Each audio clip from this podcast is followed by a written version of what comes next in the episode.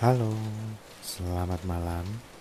Kembali lagi di podcast cerita Harnas. Ya, apa kabar teman-teman semua? Masih libur kan? Jadi masih keluar podcastnya. Uh, kali ini saya mau cerita tentang satu penemuan yang sangat penting bagi kita, ya, yang ditemukan oleh satu orang asal Skotlandia, seorang peneliti biologi atau asal Skotlandia yang namanya Sir Alexander Fleming. Ya.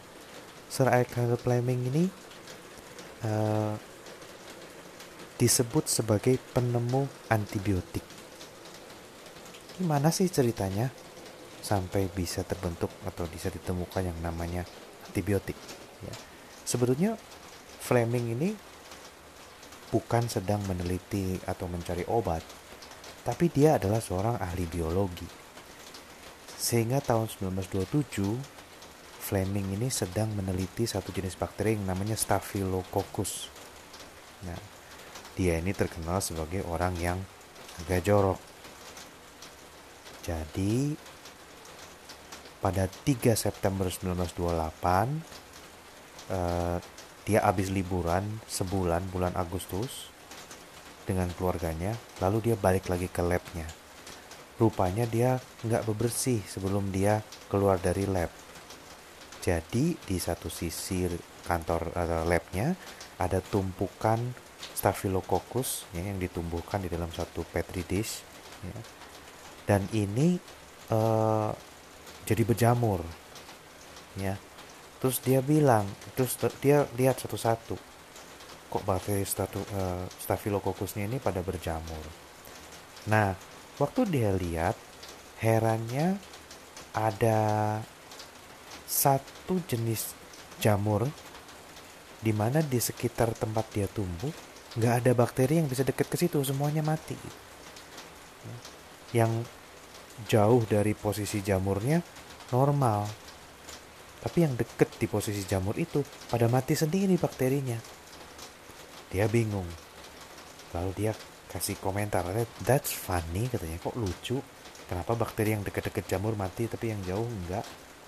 Akhirnya dia uh, kasih sampel itu ke satu temennya yang namanya Merlin Price. Kemudian dia coba tumbuhin uh, jamur tersebut di culture yang enggak ada staphylococcusnya Lalu dia berhasil mengisolasi satu bahan. Karena jamurnya namanya penicillium. Ya, sebelumnya dia menyebut saat ini sebagai uh, mold juice katanya. Jadi sari jamur ya. Tapi kemudian di rumah kayak kemudian di, dibentuk menjadi namanya menjadi penicillin. Nama penicillin ini pada tanggal 7 Maret 1929. Dan ceritanya bukan sampai di sini juga. Ya. Setelah itu sebetulnya Alexander Fleming tidak fokus pada penelitian ini. Dia bisa menemukan bahwa saat yang namanya penicillinum ini bisa membunuh bakteri-bakteri yang gram positif. Contohnya pneumonia, meningitis, difteri, dan gonore.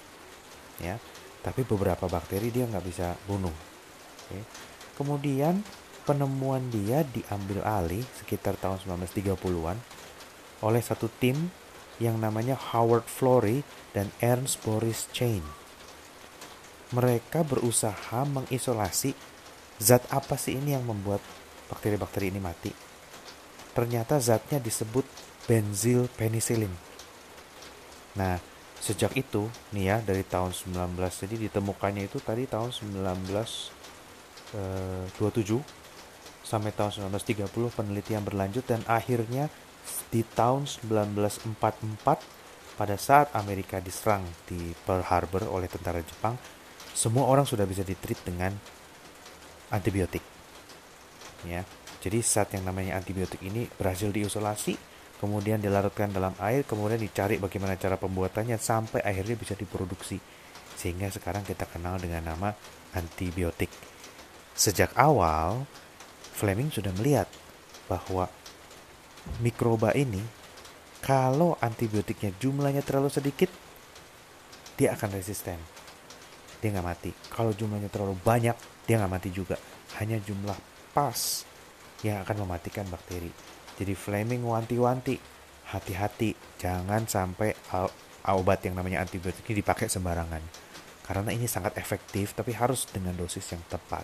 Kalau enggak, makin banyak orang yang jadi bakteri yang jadi resisten terhadap antibiotik dan makin banyak juga uh, orang yang jadi korban karena antibiotiknya nggak mempan. Ya. Nah, Fleming rupanya kemudian memenangkan hadiah Nobel dan dia banyak memuji uh, Corey dan Chain karena dua orang itu adalah yang mengembangkan penicillin menjadi bakteri. Dia cuma nemuin doang. Bahkan dia bilang itu Fleming myth katanya. Dia bilang bukan dia kok yang nemuin dong. Dia cuma nemuin doang tapi dia nggak bisa ngapa-ngapain. Yang merubah itu menjadi obat adalah orang-orang lain. Dan dibutuhkan waktu hampir 20 tahun dari penemuannya sampai dia bisa diproduksi jadi obat yang namanya antibiotik yang bisa ditelan orang atau langsung dipakai ya lewat cerita ini kita bisa tahu bahwa salah satu obat terpenting di dunia ini yang namanya antibiotik itu ternyata dihasilkan dari alam dan dibuat ditemukan secara tidak sengaja oleh orang yang namanya Alexander Fleming ini ya.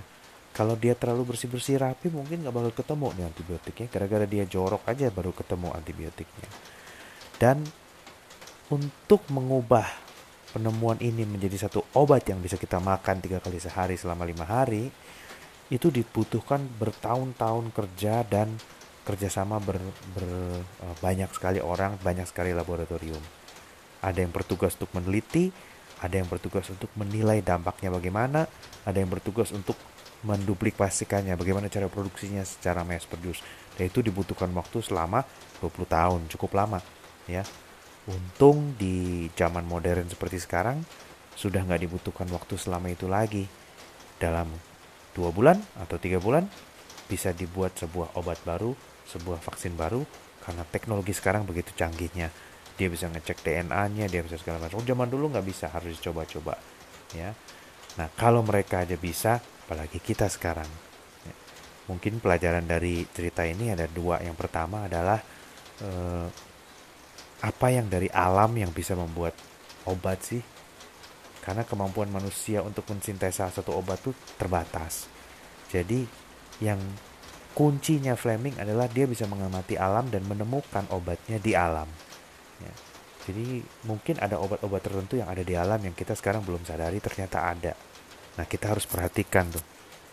Mungkin di situlah ditemukan zat-zat yang bisa membantu hidup kita. Yang kedua, ada gunanya juga jangan terlalu bersih. Corok-corokan dikit nggak apa-apa. Yang penting aman. Siapa tahu dari jamur yang tumbuh itu ada sesuatu yang bisa berguna untuk umat manusia. Sekian cerita Alexander Fleming pada kesempatan kali ini, terima kasih semuanya sudah mendengarkan. Saya Harnas, simak cerita-cerita saya di podcast Cerita Harnas berikutnya. Selamat malam. Bye.